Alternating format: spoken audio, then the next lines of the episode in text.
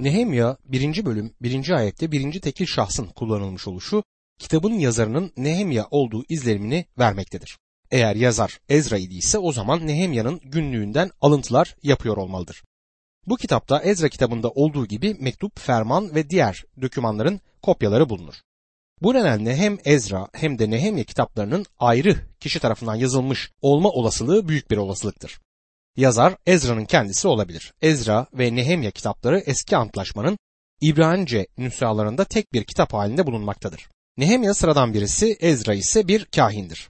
Ezra kitabında işlenen konu Yarışilim'deki tapınağın yeniden yapılışı konusuyken Nehemya kitabında işlenen konu ise Yarışilim surlarının yeniden yapılışıdır.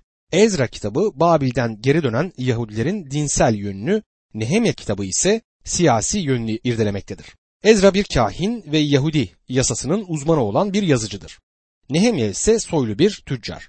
Nehemya güçlü Pers kralı Artahşasta'nın sarayında önemli bir görev üstlenmişti ama yüreği Yaruşilim kentindeki Yahudi halkındaydı ve Tanrı'nın o kent için hazırladığı tasarılardaydı. Kişisel not kitabın ana özelliğidir. Taşımış olduğu özellikler nedeniyle kendimi sık sık bu kitabı okurken bulurum. Gerçekten de Nehemya'nın sürükleyici, heyecan verici bir kitap olduğunu söylemek isterim. Tarih sıralamasına göre Nehemya eski antlaşmadaki tarihsel kitaplarının sonuncusudur.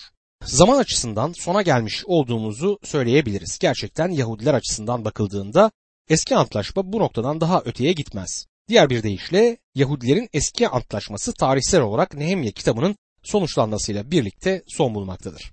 İkinci tarihler kitabıyla başlayan 70 yıllık bir dönem sonrasında Ezra kitabı Yahudilerle ilgili gelişmeleri anlatmaya devam eder. Yahudilerin 70 yıllık Babil sürgünü sona ermiş ve Babil'e giden Yahudilerin bir kısmı geri dönmüştü. Ezra'nın önderliğinde Babil'den Yaruşilim'e dönen ikinci Yahudi grubu, Zerubbabel'in önderliğinde dönen ilk kafilenin dönüşünden yaklaşık 50 yıl sonra yola çıkmıştır. Arada geçen bu yıllar tahminidir ve sürgünden sonraki Yahudi tarihinin geçirdiği aşamaları anlatmak için verilmiştir. Bu yolla Daniel'in sözünü ettiği 70 hafta görümü doğru ve olması gerektiği gibi yorumlanarak İsrail tarihindeki uygun yerine oturtulabilmektedir. Daniel peygamberin 70 haftası Ezra kitabıyla değil Nehemya kitabıyla başlar. Bu dönemin başlangıcı Daniel kitabında şu sözlerle anlatılmaktadır.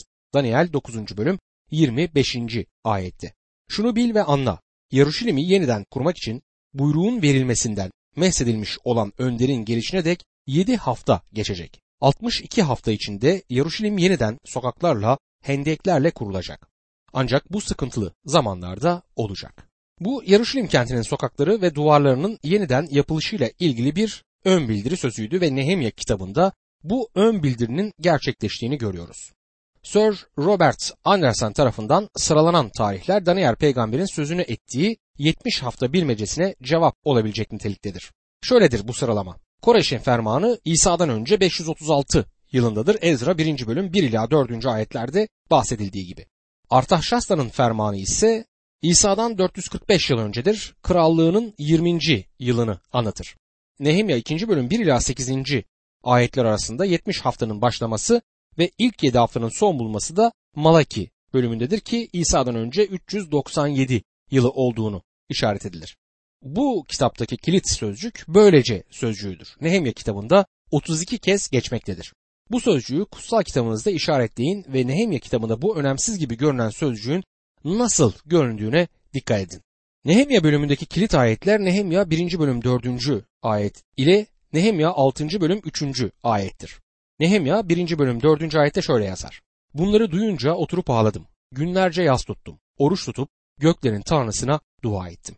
Nehemya 6. bölüm 3. ayette ise onlara haberciler göndererek büyük bir iş yapıyorum. Gelemem dedim. Yanınıza gelirsem işi bırakmış olurum. Niçin iş dursun?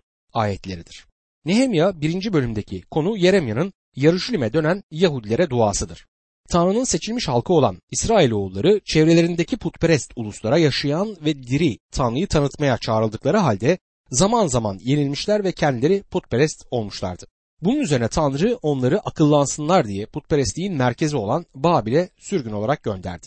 Babil'de 70 yıl tutsak kalan İsrail halkı akıllanarak putlardan geri dönmekle birlikte eski güçlerine tam olarak kavuşamamışlardı. Bundan sonra da özgürlüklerine tam olarak kavuşamayacaklar, Roma İmparatorluğu'nun yönetimi altında yaşayacaklardı. Nitekim yeni antlaşma dönemine geldiğimizde bile İsrail halkının hala Roma yönetiminin altında yaşadığını görüyoruz. Babil tutsaklığından sonra Yeruşalim'in yeniden yapılanmasında üç kişi büyük rol oynadı. Politikayı temsil eden Prens Zerubabil, kahin olan Ezra ve son olarak da halktan biri olan Nehemya. Kral, kahin ve peygamber gerçekten Yeruşalim kentinin duvarlarını yeniden örmeyi başaramamış, tapınağı temizleyememişti. Bu nedenle Tanrı bizim halktan biri olarak gördüğümüz Nehemya'yı yarıda bırakılan bu işleri tamamlamaya çağırıyordu. Bugün kiliselerde din adamı ve halktan gelen gönüllü kişiler diye iki ayrım bulunmaktadır. Bunun yanlış olduğunu hemen belirtmeliyim. Bunlar aslında birbirlerinin yarısıdırlar. İkisi birbirini tamamlar. Din adamı cemaat tarafından geçimi sağlanan ve sorumluluğu inançla ilgili uygulamalarda cemaati bilgilendirmek ve dua toplantılarına önderlik etmek olan vaiz, çoban, papaz gibi görevli kişilerdir. Bir de din adamının sorumluluk alanına giren şeyleri gönüllü olarak üstlenen gayri resmi statüde bulunan halkın içinden gelen kişiler vardır. Bunların her ikisine de kilisede büyük ihtiyaç bulunmaktadır. Bir gün arkadaşlarla top oynuyordum. Adamlardan biri kilisenin birinde görevli olan bir arkadaşını çağırmıştı. Belliydi ki benim orada bulunacağımdan haberi yoktu. Beni görünce aman Allah'ım vaiz de burada. Sözlerimize çok dikkat edelim dedi. Onun bu sözleri karşısında ben ne yaptım biliyor musunuz? Onu aceleyle yanıma çağırdım ve şöyle dedim. Bak kardeşim ben senden farklı biri değilim. Sövüp saymak istiyorsan buyur. İstediğin kadar küfret. Benden çekinmene gerek yok ama şunu da iyice anlayalım. Ben burada bulunsam da bulunmasam da Tanrı senin ne söylediğini zaten duyuyor. Benim senin küfürlerini duymam ya da duymamam hiçbir şeyi değiştirmez değil mi? Din adamı ve cemaatten kişi arasında bir ayrım ne yazık ki günümüzde de hala gördüğümüz gibi bir gerçektir. Ama her ikisinin de Tanrı ile sağlıklı bir ruhsal ilişki içerisinde bulunması çok önemlidir. Yeruşalim'in surlarını yeniden ören ve tapınağı temizleyen kişi bir din adamı değil ama gönüllü halktan biriydi.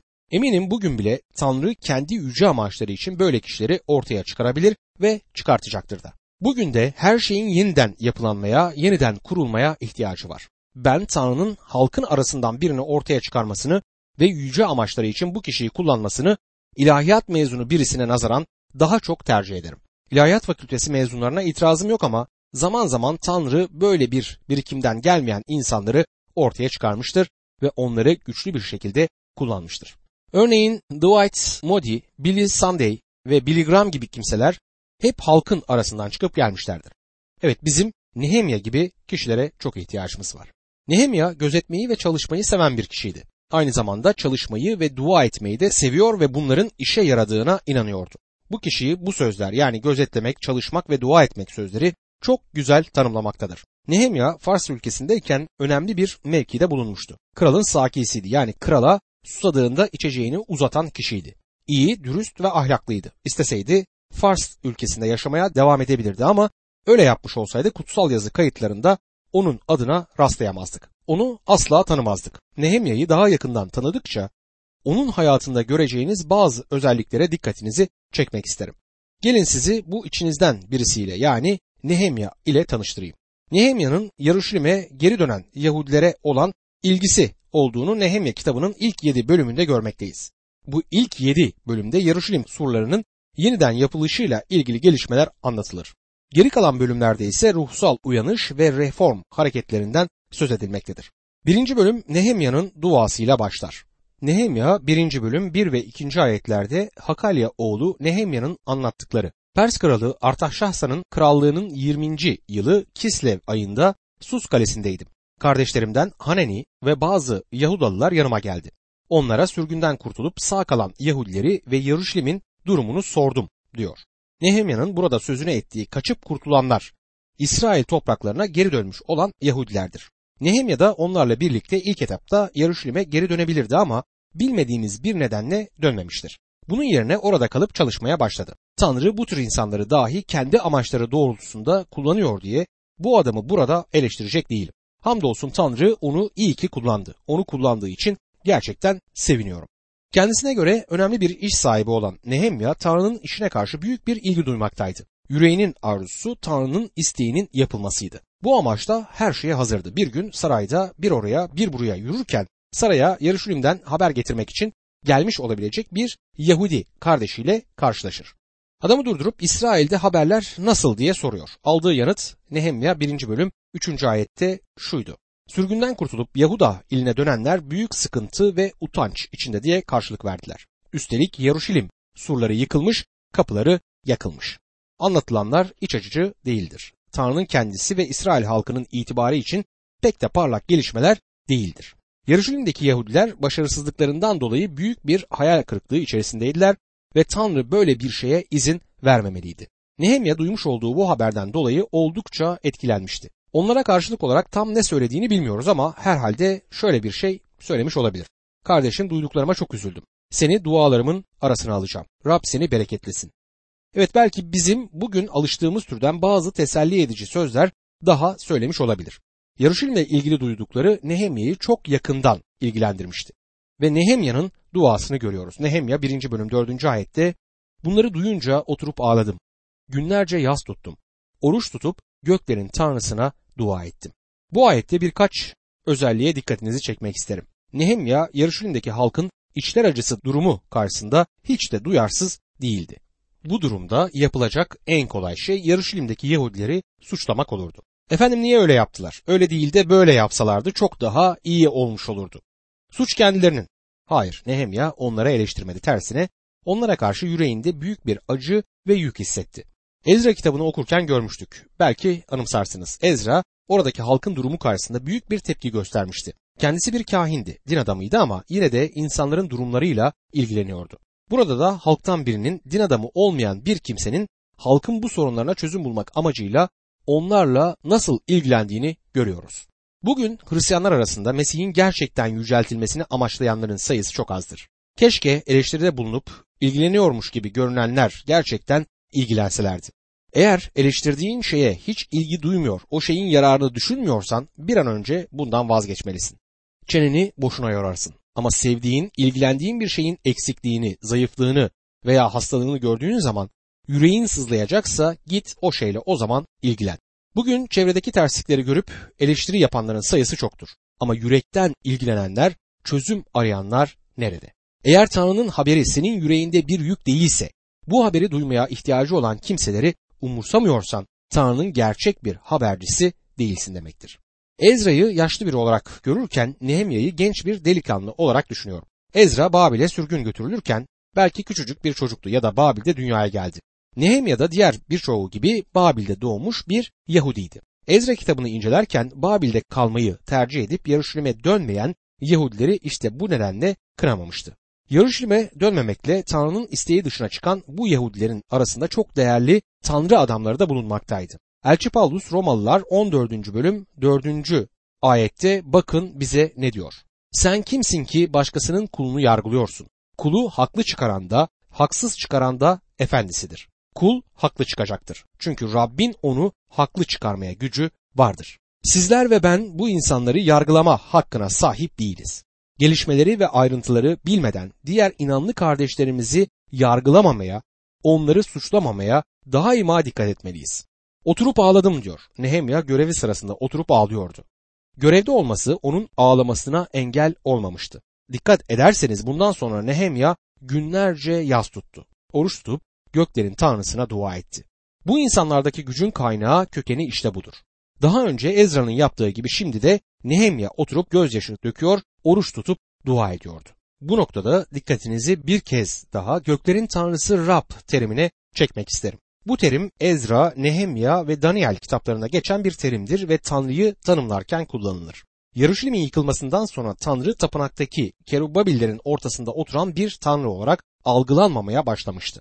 Çünkü Tanrı'nın yüceliği yeryüzünden alınmıştı. Tanrı yüceliği yeryüzünü bırakıp göklere geri dönmüştü. İşte Babil tutsaklığından sonra yazılan kutsal yazılarda Tanrı'dan göklerin Tanrısı Rab olarak söz edilmesinin nedeni budur.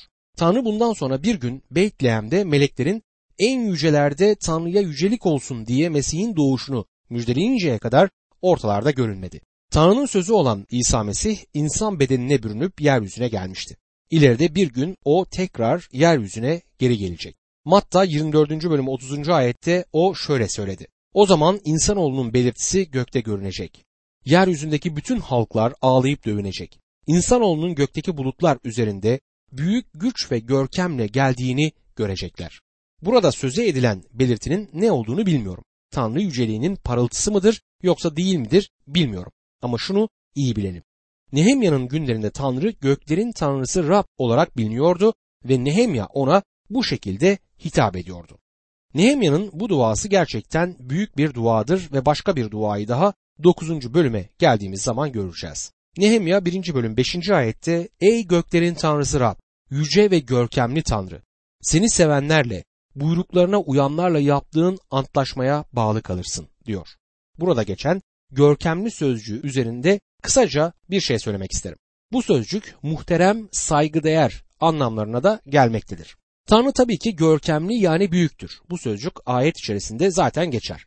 Bu nedenle buradaki görkemli sözcüğünün yerine muhterem ya da saygıdeğer sözcüklerinden birinin kullanılması çok daha yerinde olurdu. Eskiden muhterem sözcüğü Hristiyan kültüründe yaşayan toplumlarda din adamı sınıfında bulunan kimselere hitap edilirken kullanılırdı. Muhterem peder, muhterem çoban gibi. O zamanlar toplum içerisinde din adamlarına daha büyük bir saygı ve sevgi vardı. Ama artık durum ne yazık ki böyle değildir. Kiliselerde dahi vaizleri, çobanları takan, umursayan insanların sayısı çok azaldı. Eskiden gösterilen hürmet, saygı bugün yok. Hele hele iman ettiğini söyleyip ama henüz kurtulmamış. O sözde Hristiyanların çobanlarına muhterem diyerek seslenmelerini pek de doğru saymadığımı söyleyeyim. Zaman zaman elbiselerimi kuru temizlemeciye götürüyorum. Orada çalışan gençlerden birisi bana her zaman yapmacık bir şekilde beyefendi diye seslenirdi. Her defasında bana bu şekilde hitap etmesini fazla duymak istemediğim için bir daha elbisemi oraya götürmez oldum. Kendime başka bir kuru temizlemeci buldum. Son gittiğimde belki en azından 20 defa beyefendi diye hitap etti. Artık iyice kabak tadı vermeye başlamıştı. İman etmiyordu. Ona Rab'den anlatmaya çalıştığımda hiç kulak bile asmazdı. Ama din adamlarına muhterem diye hitap etmeye de bayılıyordu. Tanrı heybetli bir tanrıdır ama aynı zamanda kendisini sevenlere ve emirlerini tutanlara merhamet eden ve verdiği sözleri tutan bir tanrıdır. Evet o hem yargılayan hem de merhamet gösteren tanrıdır. Nehemya 1. bölüm 6. ayette Ya Rab halimi gör. Gece gündüz kulların İsrail halkı için ettiğim duaya kulak ver. İtiraf ediyorum. İsrail halkı günah işledi. Ben ve atalarım günah işledik diyor. Nehemya'nın bu duasında kullandığı sözlere dikkat edin. Ben onların işlemiş olduğu günahları itiraf etmeye geldim demedi. Hayır. Sana karşı işlemiş olduğumuz suçları itiraf etmeye geldim diyor. Hem ben hem de babamın evi suç işledik. Nehemya her şeyi açıkça dile getiriyordu. Ben bir günahlıyım. Babamın evi tüm İsrail ulusu günah işledik diyordu. Bizim inanın topluluklarımızda böylesine günah ikrarıyla, tövbeyle hiç karşılaştığımız oluyor mu? Nehemya duasında bir şeyi açıkça söylüyordu. Yahudilerin Yaruşilim'deki başarısızlığı işlemiş oldukları günahlarının sonucuydu. Hem ben hem de babamın evi günah işledik derken Nehemya İsa Mesih'in zamanındaki kendini beğenmiş, kendi doğruluklarıyla övünen ferisilere hiç benzemiyordu. Nehemya 1. bölüm 7. ayette sana çok kötülük yaptık. Kulun Musa'ya verdiğin buyruklara, kurallara, ilkelere uymadık diyor. Bu ayette Nehemya'nın Tanrı'nın sözüne inandığını görebiliriz. Nehemya bu sözlerde huzur bulmaktadır. Tanrı sözünü iyi biliyordu. Tanrı'nın emirleri göz ardı edildiği için bundan büyük bir rahatsızlık duyuyordu. Nehemya 1. bölüm 8. ayette kulun Musa'ya söylediklerini anımsa. Dedin ki eğer bana ihanet ederseniz sizi ulusların arasına dağıtacağım. Nehemya sadece Tanrı'nın sözüne inanmıyor ama Yahudilerin Yarışilim'e geri dönmeleri gerektiğine de inanıyordu. Bugün buna inanmayan birçok İncil vaizinin var olduğunu söyleyebilirim. İşte bu imansızlıkları nedeniyledir ki Tanrı kendi amaçları için bazen vaizleri ve din adamlarını değil ama halkın arasından çıkıp gelen insanları çok daha etkili bir şekilde kullanabilmektedir.